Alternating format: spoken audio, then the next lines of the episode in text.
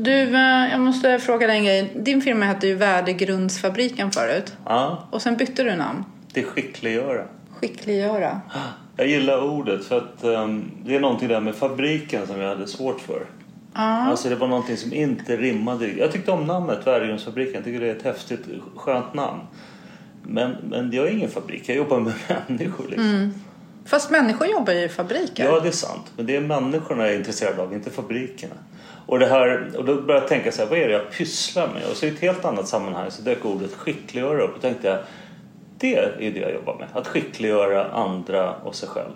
För visst är det ett ord som du har använt liksom? Ja, jag har använt det. Och sen har jag faktiskt registrerat det också. Så det är skönt att äga ett ord. På ja. tal om att äga grejer. Jag äger Kamoja faktiskt. Ja, jag vet. Och det var ju upptaget så jag kunde inte sno det. Precis. Du kunde inte kamoja det för det var redan kamojat. Ja. Ah, okej. Så men skickliggöra. Så Mm. nu heter du Skickliggöra AB. ja, just det. Vad är ditt bästa tips för att skickliggöra någon? Att bry sig. Ja, och då tänker du att det var det som inte rimmade med fabrik. Ja. Att fabrik blir så, så mekaniskt. Ja. Att bry sig på riktigt, det är det det handlar om. Att liksom, vem är där när det är tufft? Och vem, vem bryr sig när man eh, har motgång? Eller vem ringer man när det har jobb? Alltså de här människorna som finns där när det är tufft. Det finns ju många som klappar ner ryggen när det går bra men sen när det går emot så är de borta. Liksom. Men tycker du det? För jag eh, har ju till och med så här, någon sekvens i någon föreläsning som jag kan dra ibland. Att det, det finns något så här, i nöden prövas vännen. Ja, Men jag vet inte om jag håller med om det. Jag tycker att jag kan också märka ofta så här, någon som det går dåligt för. Ja, men då är det lätt att så här, kom ska jag hjälpa dig och åh stackars dig. Men när det går bra för någon. Då blir det precis som att om det, om det går väldigt bra för dig. Så behöver jag vara väldigt stark för att säga, alltså ge dig Ja, positiv absolut. feedback. Absolut. För att, för att annars blir det precis som att om jag säger att du är bra, då blir jag sämre Mm. av att... Förstår du? Att jag till och med kanske vill trycka ner dig lite och säga konstigt att det går så bra för Anders och så bra är han ju inte. För, förstår du? För att höja mig själv. Så jag skulle Alltså- säga att det är precis tvärtom. Det är inte i nöden vännen prövas utan det är i framgång vännen prövas. Jag tror att det är både och. Det är ju obalansen prövas väl. Jag tycker när vi har någon slags balans vi har en, och så händer något. Då prövas ju den nya situationen. Hur gillar jag den här? Och jag, jag håller med dig helt om den. För jag kan fundera på när det har gått bra. Vem, vem har sagt och menat kul? Och tvärtom också. Och det, om jag går till mig själv så kan jag tänka också hur Alltså de här svarta känslorna, det är väl något att prata om. Avundsjuka, avund, svartsjuka, alla de här som, som jag inte tycker om. Att de dyker upp och pluppar upp i huvudet. Jag ser när går, fan vad bra det går för den där på, på Facebook eller på LinkedIn eller någonting. Och så får jag den där impulsen. Och sen när jag pratar lite med mig själv där, på tal om att skickliggöra mig själv. Ja, men vad är det jag håller på med? Vad, vad är det som gör hos mig att jag får den här typen av känslor? Och då, och då brukar jag tänka så att så här kanske andra också gör. Eller gör inte du det? Att du tänker att jag pratar med mig själv? Ja, ja det tror jag. Nej, Men jag men tänker, ja, men precis. får inte du de här svarta känslorna också? Jo men gud jo, det får jag. Och jag tänker jättemycket på min film. Alltså jag Ja. tänker lite att mitt liv är en film. Och då tänker jag på hur jag vill vara i min film. Och då vill inte jag tycka liksom att jag vill inte vara svartsjuk eller avundsjuk nej. eller sådär. Eller missunnsam vill inte jag vara. Utan jag vill vara... eh, Det passar liksom inte riktigt i min film. Men sen är man ju bara människa. Så ibland så Ja. blir det ju så i alla fall. Jag tror jag tycker riktigt illa om hos mig själv. De Nej. gånger det händer. Det är när jag klär på mig offerkoftan. Det finns ju inget elakt i det, men jag tycker inte om det. Och de gånger när jag, när jag ser efteråt, men herregud, sluta jämra det, liksom. Mm. Den, den tycker jag är ocharmig. Nej, men jag, jag tänker ändå att, man, att det också är viktigt att man får vara människa. Och då tror Ja, jag att absolut. det där dyker liksom upp för att vi är människor. Jag, vet, jag tänkte på det du sa svartsjuka. Jag jobbar ibland med par, du Mm. vet, som var lite stökigt. Och, um, det här var en kille och en tjej och de var fantastiskt svartsjuka på varandra. Alltså det är sjukligt svartsjuka, om man nu kan säga det. Svartsjuka är ju sjuk. Um, och när jag satt med honom och diskuterade och han var eh, orolig hela tiden. Han har varit ihop i två år och de, allting slutar med gräl. Går de på fest var det gräl. Allt var gräl. Du tittar på honom och nej, det var han som tittade. Du vet sådär. Och mitt i en sån där samtal med honom så säger jag till honom Har du tänkt på att din tjej kanske kan, kan vara otrogen nu? Om hon vill. Jag vet inte om det var så pedagogiskt kanske. Men, men det där är ju spännande med tanke på de här. Vi får ju de känslor vi får.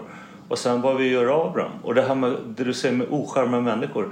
För mig är det ju de som försöker kontrollera eller boxa in andra människors tankar och känslor. Det är för mig ocharmigt. Istället för att hantera det som händer, det som dyker upp. Men nu måste jag ta här, vad, vad menar du med boxa in? Kan du ge mig något ja, exempel att, på det? Att om, eh, om någon, eh, den får inte gå ut. Så Den mer stänga in Stänga liksom? in, boxa in, begränsa, hindra. Det är ju arbetsplatser Styra, också. liksom. Styra, så. Det är ju arbetsplatser också. Man sitter på det här mötet och så är det någon som säger något och så blir den där tystnaden som betyder du ska inte säga något. Du vet den där läskiga tystnaden. Så, och ibland är det ju inte ord, det är ju gester.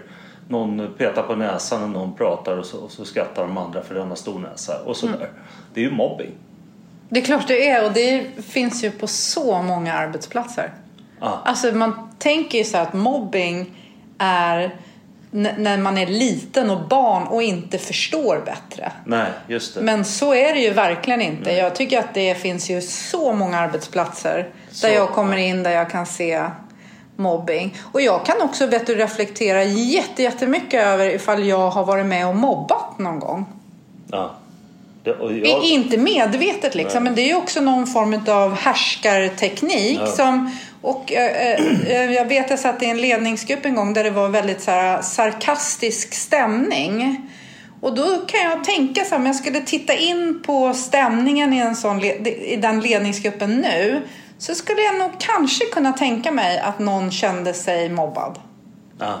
Förstår du? Fast det var inte meningen. Men vi var inte heller tillräckligt duktiga på att se till att agera så som det var meningen. Mm. Utan det, det tilläts liksom den här sarkasm som, som jag tror att några av oss tyckte var jätterolig. Jag är ganska sarkastisk och jag kan i alla fall allra oftast också ta när folk är ka- sarkastiska med mig. Ja. Men att vi kanske inte var tillräckligt duktiga på att ha koll på om det var okej för alla. Eller om kulturen i gruppen gjorde att man var tvungen att säga att det var okej oavsett om man tyckte det eller inte. Det finns ett uttryck som heter men hjärtlig. Mm. Och det är också, jag håller, jag håller på med handboll massa år. Och eh, om jag tänker tillbaka på de situationerna så bara nickar jag på det. Jag har ju också varit med där och slängt kommentarer. Och, eh, och jag har inte kollat att den som fick kommentaren pallade kommentaren. Och sen som tränare vet jag att då, då var det inte riktigt okej på samma sätt. Då var man lite utanför gänget på ett sätt. Men ibland så var det när det var sådär, eh, det flög kommentarer i omklädningsrummet. Det jag gjorde då det är att gå fram och fråga, lägga armen på axeln på spelaren och fråga är det okej? Och hittills är det ingen spelare som sagt till mig de andra är dumma med mig utan det blir så här, de knyter näven i fickan liksom.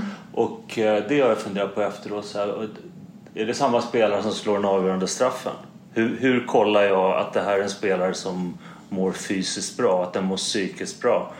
Jag la min arm, arm och, och det är väl en slags omtanke. Men jag sa ju aldrig så här, sluta pika varandra. Nej. Och den kan jag fundera på så här efteråt. Där var jag verkligen, om man kallar det medskyldig, omedvetet medskyldig. Och sen blir det ju också någon form av kultur. Alltså, En jargong. Ja, det blir en jargong, men det blir också kulturen Ja, i den absolut. gruppen. Att så här gör vi i den här gruppen, och oavsett om folk tycker att det är kul eller inte. Vi- Jag, jag, vet du, jag kommer jätteväl ihåg eh, en ledningsgrupp som jag satt i och då hade jag läst eh, Elaine Eksvärds bok Ja. Härskarteknik.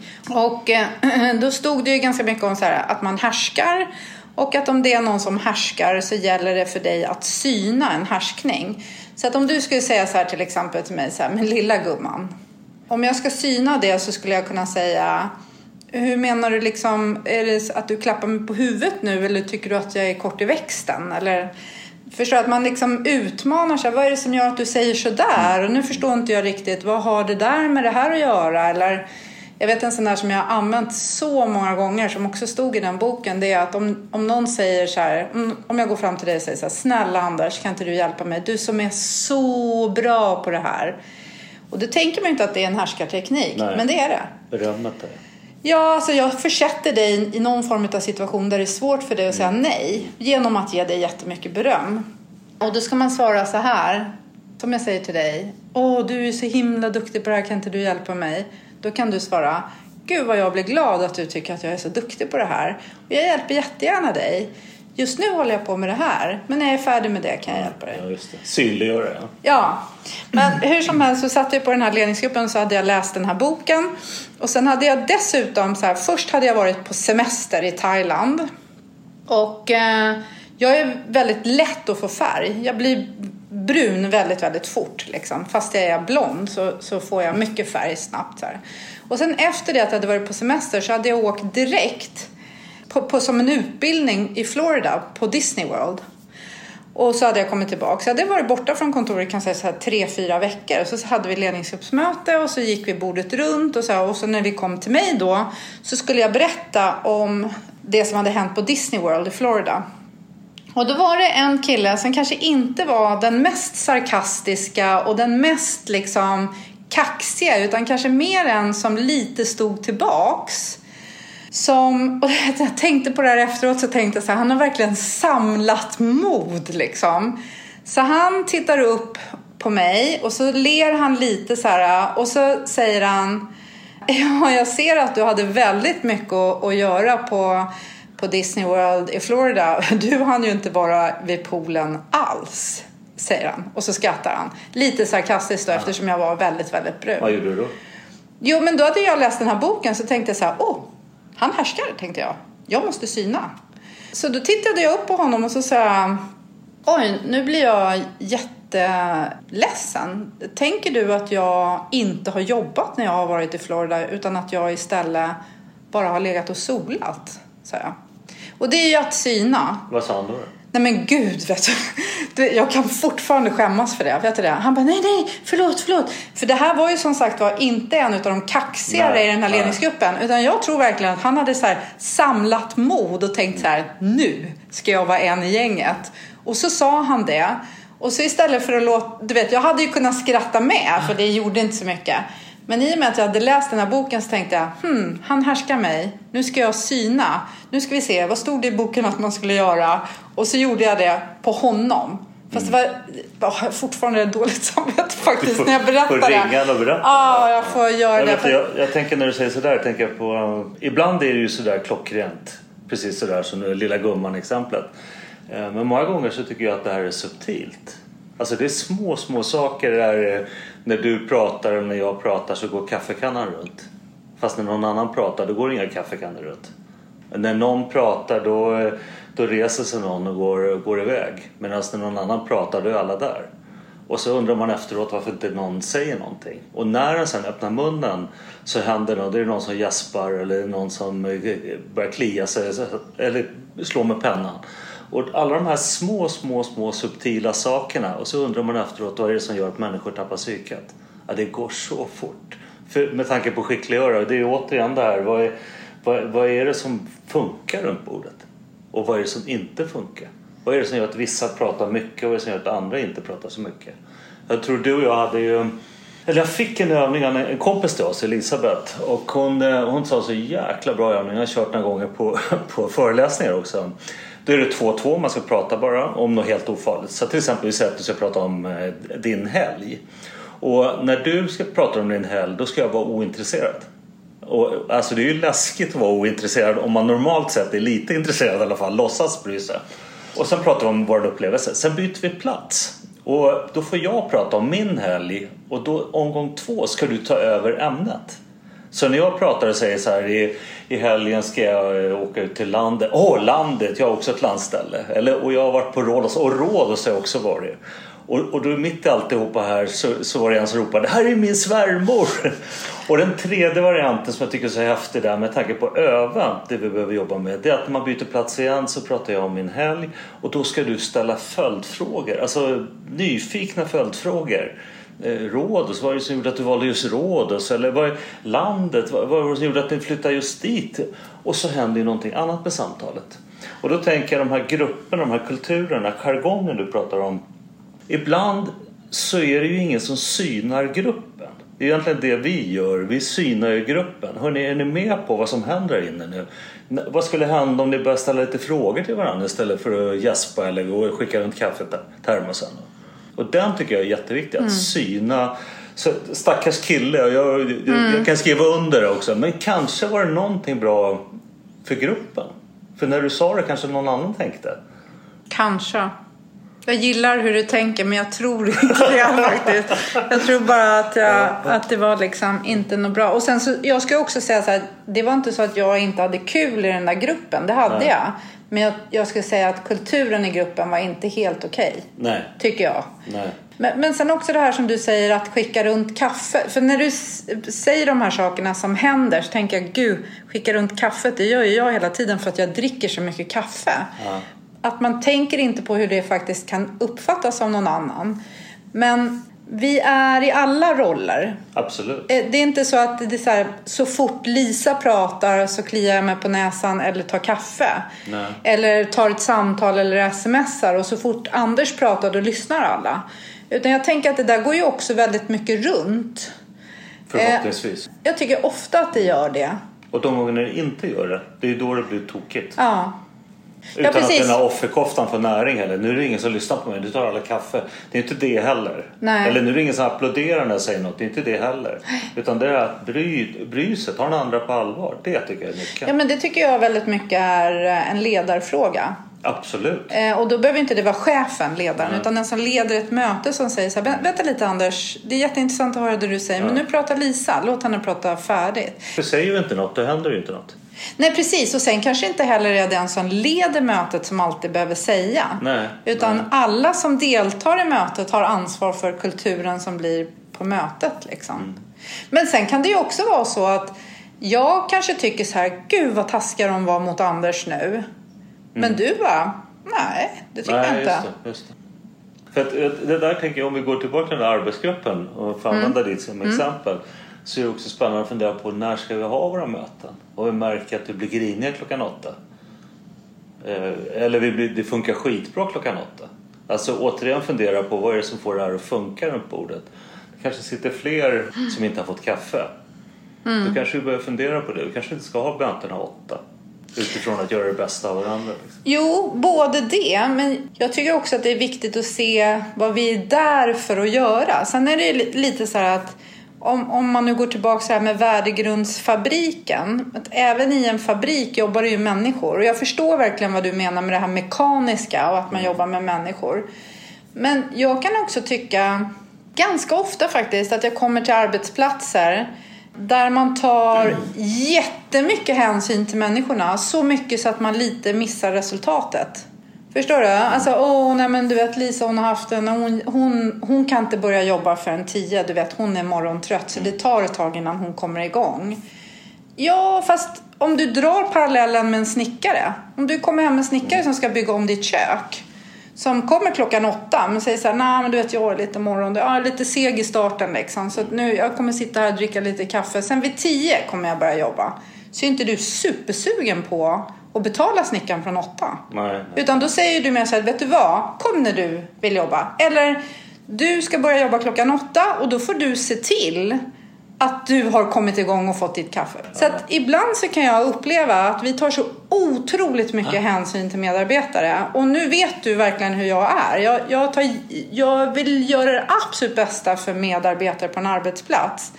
Men vi är också på jobbet för att utföra ett arbete. Och jag upplever att det finns jättemånga arbetsplatser dit jag kommer där man lite har glömt bort det. Man har lite glömt bort att man får lön. Man pratar om det här psykologisk trygghet. Jag tycker det är spännande. Psykologisk trygghet. Alltså det är ju inte det här återigen att folk ska klappa händerna när jag säger något. Det är inte det. Men att jag känner att jag vågar säga något i gruppen. Att jag får uttrycka mina tankar. Det är ju något helt annat.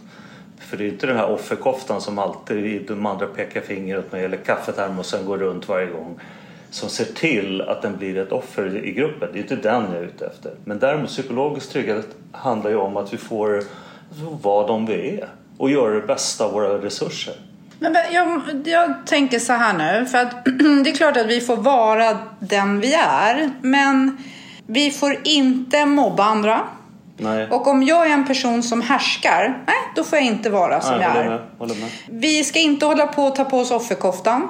Jaha, ja, nu får jag ta sist igen. Ja, jag har aldrig fått ta först någon gång. Mm. Nu får jag byta toner. Ja, är, är det jag som är det sån jag är så behöver jag slipa av mina egna kanter. Jag behöver ta hänsyn till den grupp som jag är en del av. Så att jag kan också tycka att Alltså när jag kommer in i grupper, det är ju både människor i en grupp som är väldigt tysta. Det finns ju många sätt som jag har för att få alla att komma till tals.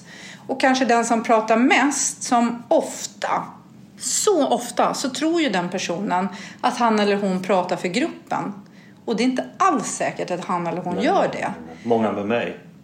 Ja, nej men precis. Vi tycker så här och jag har varit på många workshops där det blir som ett slag i ansiktet på den som trodde att hon eller han förde talan för hela gruppen.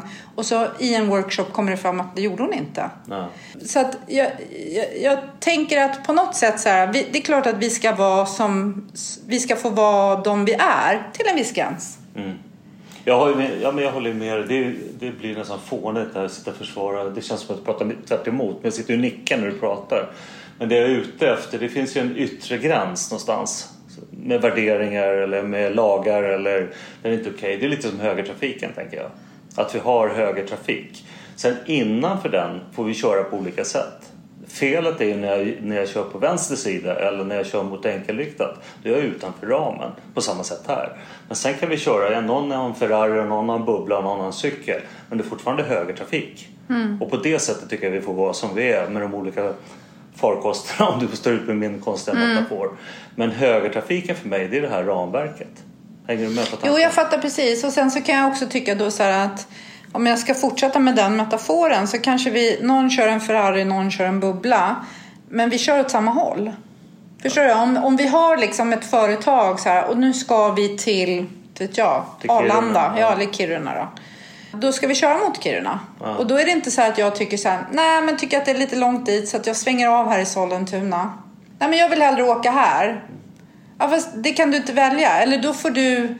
Det, det är ett annat jobb. För, Förstår du vad jag menar? Eller om man drar det till min metafor film. Så är det liksom, i vår film åker vi till Kiruna. Så här, vill du åka till Sollentuna, då får du byta film. Ja. Det är en annan firma, någon annanstans. Liksom. Men, så att det finns ju ändå en ram. Och det kan ju också vara så här att jag har en bubbla eller en Ferrari och tycker sen, fast jag vill bara köra på ettan. Jag gillar inte att växla. Så att jag vill köra på ettan. Då behöver jag som arbetsledare säga så här, kom nu ska jag visa dig hur du växlar. Det kommer gå bra. Jag håller dig i handen här. Nu växlar vi till tvåan, så det gick så bra. Och trean, fyran, femman. Wow, bravo! Nu kör du. Du, du och jag har ju en egenskap att säga fast och men. Mm. Jag menar, den, den, den kom vi ju på tidigt och skrattade ju gott åt den. Och Ja, det var i början av vår relation Ja, som vi jag- bara jag skrattade kände- åt det. Ja. Du sa något så jag är snabb på att säga fast eller något så säger jag men. Och, Mm. Och det- vice versa. Ja, och det är något härligt i det för det gör ju att man letar nya perspektiv. Därför är det så kul att prata. Mm. Eh, ibland blir det ju också så att det blir nästan rundgång när vi pratar. Och, och då tänker jag i det här fallet så är jag helt enig med det. Det är, det, jag ska inte säga fast utan här vill jag bara nicka. Mm. Har vi bestämt att åka till Kiruna då är det ju det, det, är det som gäller. Mm. Eh, och då blir ju den goa frågan när någon åker mot Malmö och frågar vad, vad, vad är du på väg nu? Mm. Och, och svänger den inte då så behöver, då är det en annan typ av diskussion Mm. vi ha. Men oavsett hur den åker och var den åker så är det högertrafik. Sen är det ju massa detaljer. Hur den ska ha, vad den ska äta och hur den ska vila och hur den, man får inte åka hur länge som helst. Och att massa sådana regleringar på alla företag. Mm. Men det jag tycker man missar ibland är att tala om att vi ska till Kiruna. Och också Mm. att ge feedback på dem som, eh, svänger av eller kör på ettan. Det tycker jag är den stora grejen. Mm. Och eh, dessutom har man de så kallade stjärnorna som får köra mitt på vägen eller på vänster sida bara för att de säljer så bra. Och det är skitbra för dem. Men alla andra får svänga av. Och det är för mig inte okej. Nej, nu måste jag tänka här om det är okej för Ferrarin mig. som åker mitt på landsvägen i full fart och alla andra får svänga av. Det är utanför värderingarna. Det beror på vad du har för värderingar. utanför värderingen om, om vi ska hålla högertrafik. Då får vi ändra och säga fri fart och inga regler. Då är det okej. Men fri fart är det, eller hur? Fri Nej, fart är mot Kiruna. 50, 70, Ah, Okej, 90. så det är fartbegränsningar också. Nej, fast det tycker inte jag. jag, jag tycker att... Så har du fast. Ja, precis. Jag, tycker, jag håller med dig. För jag tycker att det är jätteroligt att diskutera med dig. Eh, och det är inte så att jag är oenig när jag säger fast och men. Och ibland så är det till och med så att jag provtänker och, och säger någonting som jag inte, och som jag sen tar tillbaks. Du vet, vi pratar och pratar och pratar och sen kommer man fram till någon ny konklusion. Mm. Så bara, just det, det perspektivet hade inte jag tidigare. Så jag blir klokare. Ja, ibland blir jag klokare av dig och ibland blir jag klokare av mig själv Ja. när vi pratar. Fast. Då måste jag bara... Ja. Jag tycker så här att om du har en stjärnsäljare. Jag skiljer ju också på stjärna och diva. Det, det är divan jag pratar om. Ja, och divor behöver man hantera. Men när du har, alltså, jag, för jag tänker så här, om man stjärna, då är man stjärna. Om man går över gränsen och blir diva, då är inte det lika fräscht. Men om man bidrar till målet väldigt tydligt. Om du säljer väldigt mycket. Då, på Disney har de ju någonting som de pratar, kallar för Star Watch. Alltså watch your stars. Det är lite som Zlatan. Mm. Och det är lite osvenskt att vara som Zlatan. Lite divig är ju han liksom. Lite stjärna, nu kommer jag och det är jag som gör... Fast det är han som gör mål. Ja. Nu kanske inte är det längre, men i alla fall som det har varit. Är, är du med? Och då är det också frågan om så här, hur mycket regler ska det vara? För det kanske hämmar antal mål vi får. Förstår du? Om vi ska sälja bilar i vår firma. Så om vi säger så här, nej Lisa, du får inte köra i mitten på vägen för att det är höger trafik. Så kanske jag står för 50% av försäljningen. Då säger jag så här, "Ja, men då kör jag på höger sida. Kommer inte jag kunna sälja lika mycket. Vet du, Så att jag, jag tycker att den är liksom... Jag måste ta, jag säger, jag säger till norrmännen, jag klurar på att eh, om du har mötts på landsvägen i 70 blås så är det idiotiskt om vi inte har högertrafik. För att jag vågar inte köra 70 mot dig om jag är osäker på om du håller på och vinglar, om du har druckit eller om du är trött eller om du kör lite som du vill. Då sänker jag farten och så kör jag av på sidan. Och eh, när man har begreppet diva just, då är det ju någon som kör hur den vill. Trots att vi har bestämt högertrafik. Jag har fri fart, jag får köra fort jag vill. Jag kan köra 130 förbi en skola. Det är inte okej i mitt huvud. Och sen kan man ju ha den värderingen att det är okej. men då säger jag, då vill inte jag bo i det landet där det är på det sättet. Utan i mitt huvud blir det så här, även en stjärna eller en diva har ju ramar att förhålla sig till. Och när stjärnan eller divans prestation går ut över alla andras prestation då är det ett samhälle som jag inte vill leva i. Men, nej, men då, där är vi ju helt eniga. Men, och jag, nu för ska mig- ta det till en ytterlighet. Ja, men och, nu pratar vi om land och bilar och så här kanske blir svårt. Men om man tänker sig att det är ett företag vars uppgift är att sälja bilar exempelvis. Så gäller det att vi säljer bilar. Och om vi har en säljare, Anders, han säljer jättemycket bilar. Han är inte så bra på administration. Han gör inte precis exakt allt det som man ska göra. Men shit vad han säljer. Ja, men då skulle jag om jag var försäljningschef säga, vet du vad Anders? Gör det du kan. Sälj de här bilarna du. Alltså var Zlatan, gör mål. Du behöver inte springa ner till backlinjen. Håll det här uppe du och så är du redo när det är dags att skjuta mål. Och så, Så, sälj du. okej. Så, så, men sen är det inte liksom att man ska trampa ner andra eller så här. Nej, det tycker inte jag heller är okej. Jag måste ge dig en cred faktiskt Lisa. Du har, du har en grej som jag har lärt mig dig. Det är det här att ibland, ja just det. Den tycker jag är så skön när vi sitter och pratar ibland. Ja just det, så kan man ju också tänka. Och, och det är inte allt för ofta man hör när man sitter i diskussion med människor och säger Hörni, jag har ändrat mig. Jag tycker den är så skön. För det gör ju att liksom det blir ju lätt att prata. Det blir inte sådär... Vi, vi håller ju på med vårt fast och men in i absurdum. Men det är också så att det finns en gräns för hur länge man håller.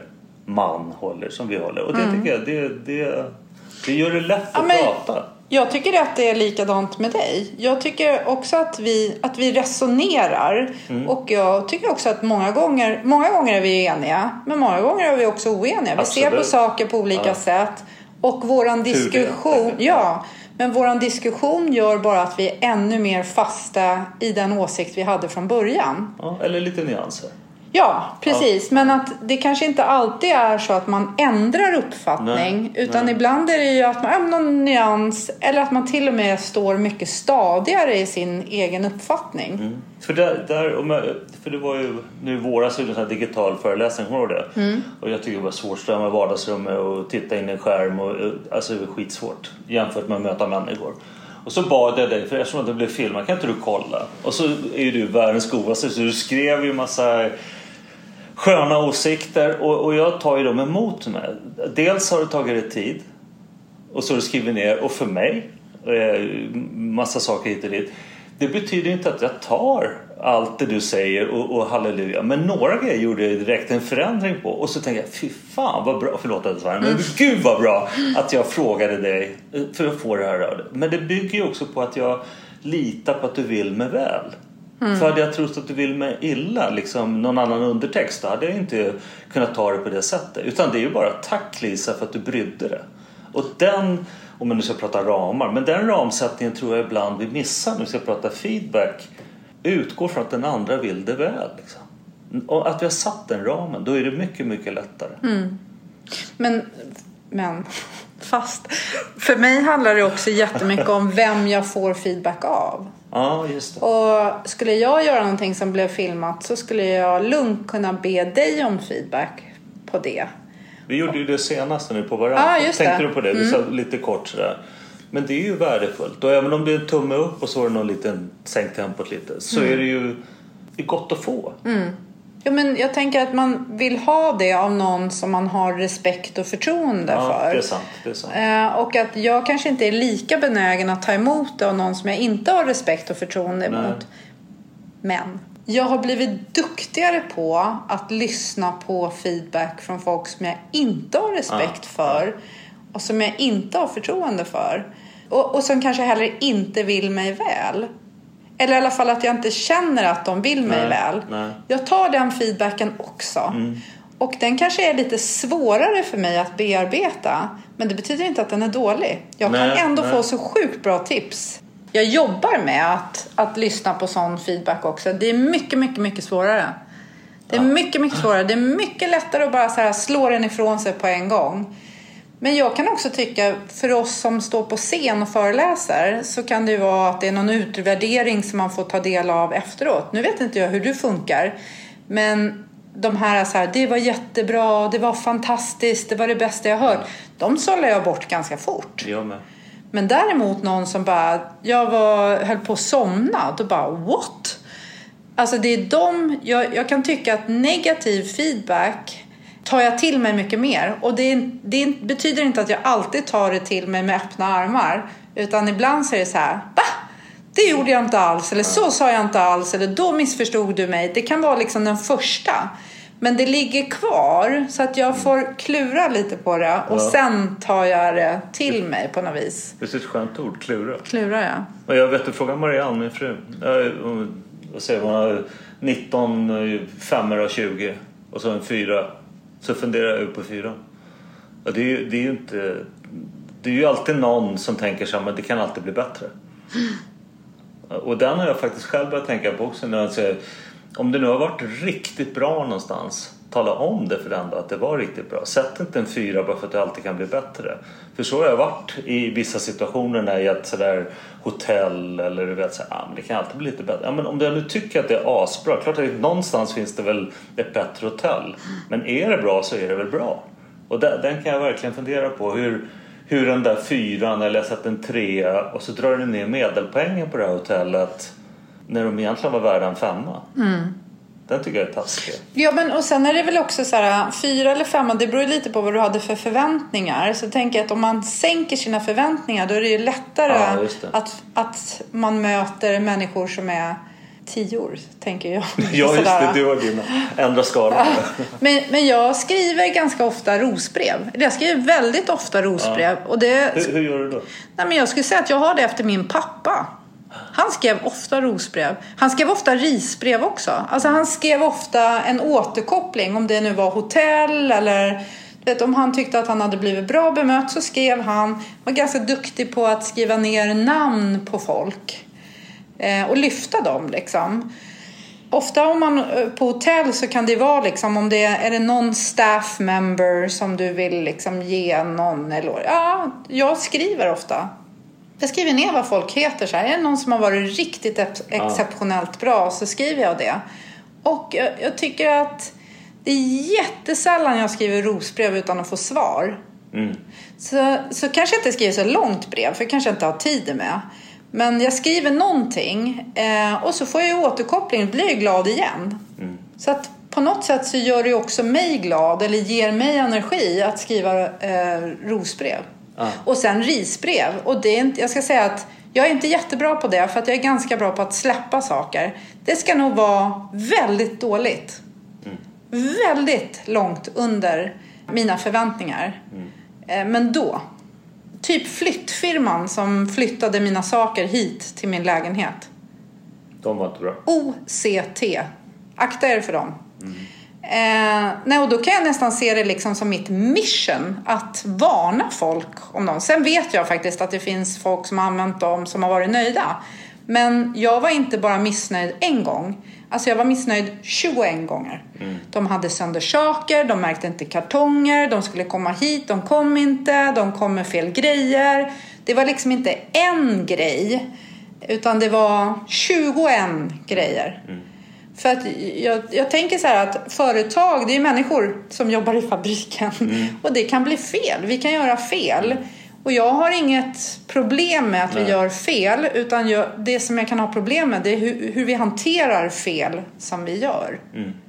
För att, vet du, där, där har en grej. Jag höll på med handboll massa år och en handbollsmatch har man kanske 60-70 gånger per match har man bollen och kan göra mål. Och hittills har jag aldrig varit med om, och du har sett några matcher, att vi har gjort 60 eller 70 mål. Jag tror vi vann över Costa Rica någon gång med 53-7 eller något sånt där. Det är väl det mesta. Men men grejen är ju det här, när någon hoppar in, Lisa eller Kalle eller Ismail hoppar in och skjuter stolpe ut. Då, då är det ju på läktaren och jag själv också, det här, åh, den missar. Och det är ju en viss form av intelligens. Man ser att bollen inte gick i mål, det, det är ju bra. Men en annan form av intelligens är att fundera på hur ska jag få Lisa, Kalle, Ismail att göra mål nästa gång? Och då blir det här feedback för mig. Har du tänkt på att målvakten hoppar? Det kan vara bra att skjuta lågt. Eller har du tänkt på alltså att ge, höj din arm lite, målvakten sjunker, då kan du skjuta över målvakten. Alltså ge feedback som den andra kan göra någonting av. Och den där har jag funderat så jäkla mycket på för att jag har, och många med mig i handbollen om jag får säga så, var lite generell, ropat bra och heja allt för mycket. Och det är fint, det är bra med tanke på... Men det är svårt att upp... Vad var det som gjorde att han ropade bra eller heja? Och då tänker jag så här, när du höjer din arm och skjuter högt över målvakten, det är bra. Det kan man upprepa. Och, och då vet jag till exempel, eh, vi säger med barnen hemma, Kim nu är de ju stora, men Kim kom hem från skolan och hade ett bra matteprov. Och så säger jag med världens största pappahjärta, Gud vad du är intelligent. Eller hur? Det finns ju inget elakt i det. Vad är Kim om man kommit hem med ett dåligt matteprov? ointelligent. Det går ju så fort va. Och, och Om han är intelligent ja, förstår han att då, han är ointelligent. Ja just det. Och då blir det här grejen istället. Vad var det Kim gjorde som gjorde att han fick ett bra resultat? Eller ett dåligt resultat? I måndags kväll pluggade du. Eh, du gick och la dig tid, du åt bra frukost, du var förberedd, du kom i tid till provet. Därför tror jag du fick ett bra resultat. Eller du sket att gå och lägga dig, du åt inte frukost, du pluggade inte. Därför tror jag du fick ett dåligt resultat. Och flyttar vi det då till jobbet till exempel, då kan jag fundera på en del möten där det är någon gång efter gång efter gång som inte har gjort det man förväntas ha gjort med tanke på eh, fabriken. Och får fortsätta göra det. Utan att, att man tar vidare och så, och så går det tid till det. Så tar bort kraft och eh, energi från, från det vi ska göra. Och där tänker jag feedback blir så jäkla viktig. Och samma åt andra håll, någon gör något som är skitbra. Ja men vad är det den gjorde som vi kan ett beteende som den gör som vi kan upprepa. Istället för bara ropa bra. Även fast det är kul att få bra. Mm. Men vad var bra? Mm. Eller vad var dåligt?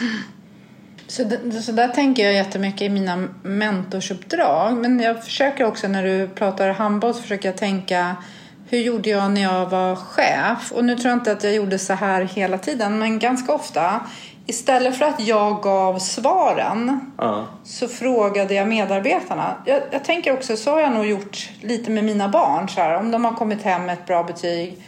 På matte eller ett bra resultat på matteprovet så, så frågar dem så här, vad var det som gjorde att det gick så bra? Ja.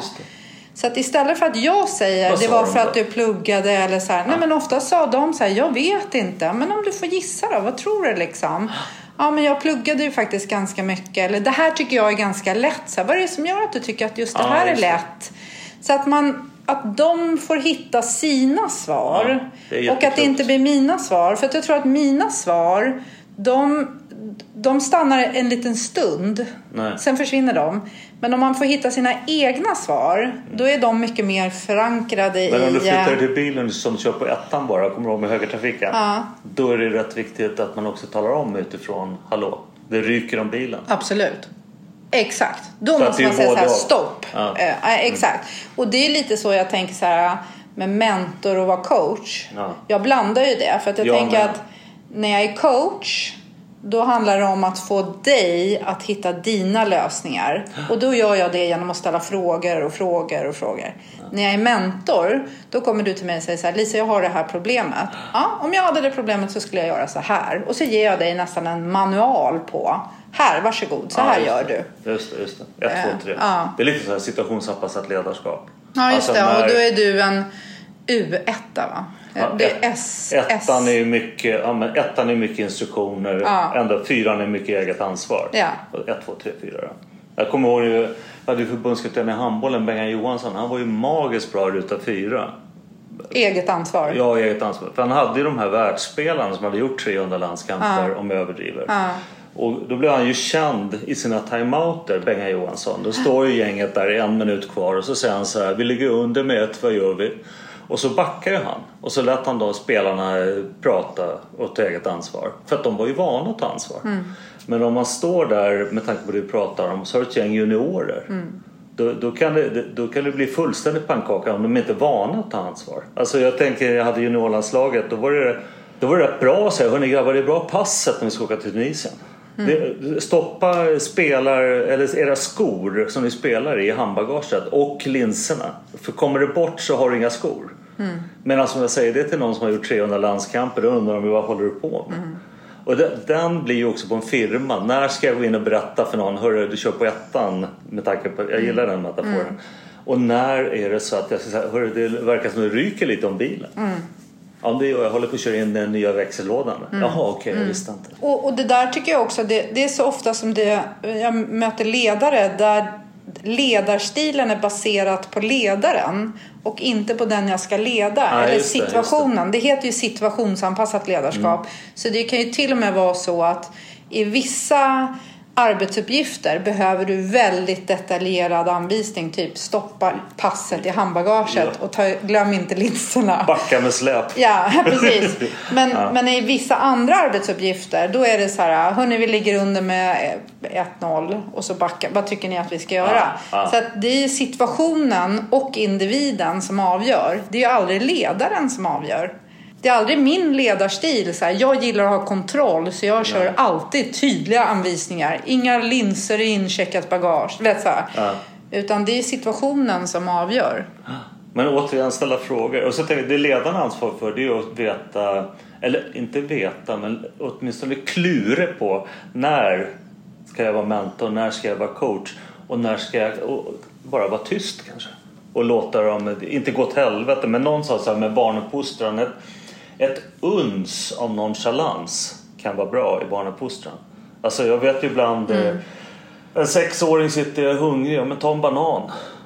Jag är hungrig, ja men ät bananer. Och, och, och, då- och då är det ju föräldrar med världens största hjärta eller idrottsledare som springer fram, skalar bananen och nästan trycker den i mun på. Och då tänker jag, ja men när ska den få prova själv då? Då får vi slå bananen i pannan där den blir mosig. Men när de är 18 eller när ska de skala bananen? Och det blir för mig så viktigt att fundera på. Jag ser ett stort leende på Ja, alla gud, jag, bara, jag tänkte säga Blev du sugen på bananer? Nej, men jag, jag, jag tänker att eh, jag har ju liksom... Jag, jag, jag vet att jag stod på scen i flera år och bara, jag är ingen curlingförälder.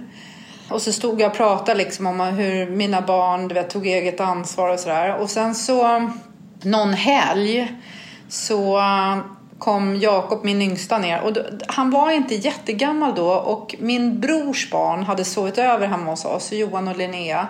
Och Johan måste vara kanske så fyra år äldre än Jakob och var ju typ Jakobs största idol. Okay. Och då skulle eh, Johan skulle iväg på någon innebandyträning så vi hade gått upp typ klockan sju, du fattar jag var jättetrött. Men och gjort frukost till Johan så här, och så kommer Jakob ner för trappen jättetrött men då ser sin, sin idol sådär eh, som väntar på sin frukost och då säger Jakob så här eh, Johan, vad har du beställt till frukosten? Och jag bara shit, jag är en curlingförälder. Det är inget hotell det här liksom. Ja. Så att jag tänker att man har nog, eh, jag tror att jag har skalat många bananer åt mina barn. Ja. Och eh, kanske det, skala bananer är en metafor, men du vet packat gympapåsar och ja. så här, ställt i ordning grejer och sådär. Men det är för att det har varit, jag har jobbat så mycket så att flow har varit viktigt ja, för mig. Och eh, då har jag liksom, du vet, stängt eh, deras jackor eller gjort det. För att då, då blir flowet. Annars är det någon som säger, det går bananen sönder eller den blir mosad eller det liksom inträffar någonting som gör att det blir jobbigt på något vis. Och det är inte bra. Jag säger inte att det är rätt. Utan då har jag typ så här linsvätskan incheckat bagage. Jag har styrt ah, ah. situationen. Men, Men också... å andra sidan så kan faktiskt alla mina tre barn skala bananer idag. ja. Och de kan packa sina gympapåsar om de ska ha gympapåsar så att de kan ju liksom. Jag tänker, du, du, vi har ju pratat så många gånger och så mycket du och jag. Och återigen, vad är det som funkar? Det är ju det som är grejen. Och ibland funkar det inte. Ibland snubblar vi ju. Mm. Och det är ju det vi pratar om feedback och, och visa halsen. Att, fan det här blev inget bra, men varför blev det inte bra?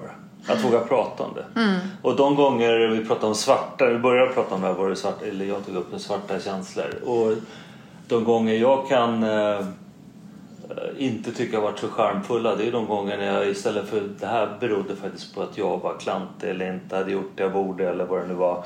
Och så försöker jag skydda egot och skylla på något annat eller på något annat eller sådär. Eller klaga på trafiken som om jag själv inte var en del av trafiken mm. med köer och mm. sådär. Uh, Medan de gånger när det bara, ja okay, det betyder inte att jag gillar det. Men nu blev det tokigt. Nu mm. blev det tokigt. Jag ska faktiskt göra någonting av det här. Vi har ju pratat mycket om det. Vad har jag lärt mig av det här? Vad var det som hände här? Och de gånger jag klarar av att tänka den tanken, då är det rätt häftigt. Medan de gånger jag skyller ifrån mig, det är inte charmigt. Men jag gör, jag gör så ibland för jag orkar inte. Nej, men jag tror att man blir...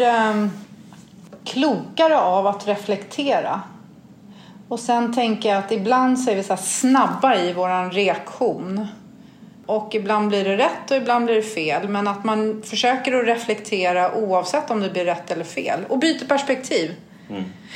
Men jag ska också säga en grej. Men, nu kom det igen här. Men fast. Ibland så är ju, kanske inte så mycket på jobbet, men att byta perspektiv. Det kan ju också vara så att du gör någonting mot mig så om jag, om jag byter perspektiv så går du ändå emot mina värderingar. Ja. Alltså, som du agerar på ett sätt som, är, som jag uppfattar som respektlöst mot mig. Det här agerandet, äh, jag köper inte det. Det är inte okej. Okay. Då behöver jag ju liksom vara tydlig med att säga till. Då kan jag såklart byta perspektiv och tänka att ah, men Anders var stressad eller det här hade, det berodde nog på det här och det här. Men om jag hela tiden tar hänsyn till när du kliver över gränsen och, och liksom naggar på de värderingar som jag har så skapar ju också någon form av kultur med, mellan oss där det är okej. Okay. Ja. Det är inget bra för mig. Så jag behöver... Eh, du vet, det kan vara så här om man tjafsar och så, så säger jag så här, men du gör så stor sak av det där. Det är också härskarteknik. Det är härskarteknik, ja. Det är så stor sak. Ja, fast jag skulle inte göra en stor sak av det om det inte var en stor sak för mig. Och att det blir på något sätt... Där har du divan. Vi pratade om förut. Ja, att säga så tänker ja, men du? Lite, lite skit får du klara. Ja. Nej, det är, är du utanför så är du utanför. Ja. Det är inte okej. Okay. Metoo är inte okej. Okay. Om jag liksom på något sätt sväljer det. Om jag, om jag tänker så här, nej men jag säger ingenting, jag säger ingenting. Så inträffar det flera gånger. Då har ju vår ruta på något sätt blivit en annan än den som jag egentligen står för. Ja. Och om jag då helt plötsligt börjar säga till dig så här, det här är inte okej. Då är det klart att jag kan förstå att du blir förvånad. Mm. Egentligen är det bäst att säga från början, det där kändes inte bra för mig, gör inte så är du snäll. Och vet du när du tar upp det där, då, då tänker jag på ordet medberoende. Ibland blir det ju organisationer där det utvecklas, jag håller med om det, det blir en kultur eller jargong som inte är frisk.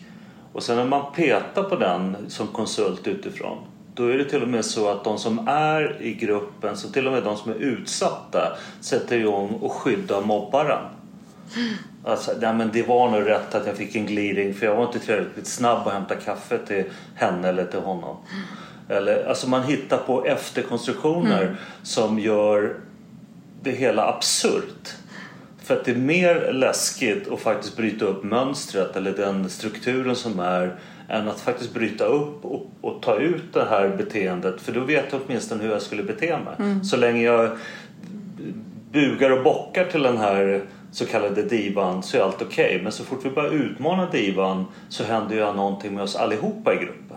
Jag vet inte om du känner igen det här? Oh ja, jätteväl Och där är faktiskt. ibland de som försöker lägga processen i knät på dig och mig istället för att det är deras process. Väldigt ofta när jag kommer i en grupp så kan jag se att det finns eh, typ som en härskare som, eh, som egentligen inte vill att jag ska vara där. För att det är en person som, jag ska säga att i alla grupper som jag jobbat med hittills, och det, nu är det jättemånga, så finns det en individ som inte vill att det ska bli bättre. För att då tappar den individen sin Makt, identitet. status, ja, identitet till och med. Så långt skulle jag säga. Och om jag som extern konsult inte hanterar det så kommer jag aldrig lyckas. Nej. Men jag gör ju ofta tysta workshops.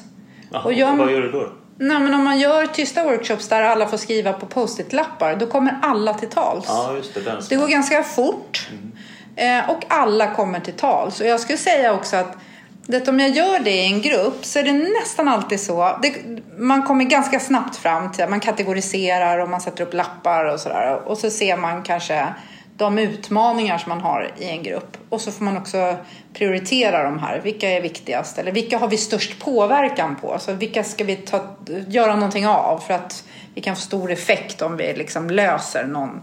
Och sen brukar det vara du vet, kafferast eller lunch. Eller så här. Då kommer alltid någon form av så här, informell ledare i gruppen fram och säger så här. Ja, alltså jag håller inte med om det här resultatet. Mm. Nej, brukar jag säga så. Det, det behöver du inte. Du behöver inte göra det. Det här är gruppens resultat. Ja, fast det är inte så här. Och för gruppen är det det. Alltså, så man kommer verkligen väldigt, väldigt snabbt fram till vad man har för utmaningar i en grupp och man får dem också kategoriserade utifrån gruppen. Och gör man det på det sättet, då är halva jobbet gjort. För att då har det liksom förankrats i folk. Då är det inte något som jag säger till Nej. dem, utan det är förankrat i dem. Eh, Och vi funkar ju också så som människor att får jag en fråga, då vill jag, jag vill svara rätt. Och, och oftast vet man i en grupp vad som är rätt. Sen är det inte alltid säkert man gör Nej, det som är nej. rätt, men man vill svara rätt. Jag Ja. tänker vad du säger att för jag, jag, jag gillar att samla på bra frågor. Jag frågar dig vad är den bästa coachfrågan du har och så tittar du på mig och liksom, vad då menar du bästa? Sådär. Mm. Ja, men, har ingen favoritfråga? Och då sa ju du en som jag har knyckt, kamojat kan man ju säga. Det, Mm. Och det var den här, vad är den största missuppfattningen av dig? Mm. Sa du till mig då. Eh, och Den har jag själv kamojat ifrån Lotta. Ja, men den är, den är, och så kan man göra med kunskap. Och att samla på de här frågorna och fundera på vilka frågor behöver jag stoppa in i det här sammanhanget. Och jag, då gör jag något liknande ditt. Jag brukar ju intervjua när jag får chans och möjlighet. Och då gör jag intervjuer med alla en och en. Och så ställer jag de här frågorna. När vi sen går in i, i gruppprocessen så vet ju alla att jag vet. Eh, och så presenterar jag vad gruppen har sagt. Oavsett om det är en eller tio. Eh, På samma sätt som post-it-lappar är en eller tio. Och då blir det en annan typ av diskussion istället för den här personen som du sa, eller personerna, det kan ju också vara en två, tre liten klan som driver och pratar, många med mig och vi här inne tycker så här. Nästan säger nu ska vi gå på toa för nu är vi kissnödiga I- istället för att kolla det kanske bara är du. Eh, Det blir, ursäkta uttrycket då. Men det blir jättetydligt om man tar den metaforen. Nu ska vi gå på toa. Eller vänta, är det du som börjar gå på toa? Mm. För när de uttrycker sig om alla och så är de andra tysta på grund av något maktspel och annat. Det är då det blir tokigt Mm. på tal om kultur och jargong. Du, alltså en sista innan vi rundar av. Vad är den största missuppfattningen om dig? Det, jag jag skulle vilja säga det beror på vem du träffar och i vilket sammanhang. Ehm, om du träffar någon som kände mig för 30 år sedan ehm, så tror jag att det skulle ha en viss bild av mig. Ehm, och träffar du någon som eh, i situationer när jag varit eh, rädd eller osäker så kanske de har en annan bild av mig. Jag, jag, eh, jag, jag vet inte vad jag ska säga riktigt. Om jag ska ta det generellt rakt igenom allting så är jag inte alltid så social. Utan de, människor säger till mig Gud vad du är social, du är snäll, du bryr dig och sådär. Fast jag, jag är så... Jag älskar människor. Jag tycker det är jättespännande och, men jag kan bli så trött på människor också ibland. Så ibland kan jag vara helt asocial när jag är hemma. Alltså verkligen bara stänga in mig. Jag vill vara med mig själv. Liksom. Jag vill inte träffa en enda människa. Och där tror jag att en, en missuppfattning är att han är alltid så social och han är alltid glad och han är alltid den här som drar igång grejer på fester och hänger på. Ja, jag tycker det är kul. Men jag är också så jäkla trött på den bilden ibland. När folk säger kan inte du göra något kul? Nej, jag vill bara sitta här nu. Ehm, ja. Du då? Nej, men vi har ju pratat om den här förut. Jag skulle säga att den absolut största missuppfattningen om mig det är att jag alltid är glad. Ja. Jag är inte alltid glad. Men eh, jag tror också att det är på något sätt, inte, kanske inte en fasad, men det är nog en roll som jag gärna jackar i.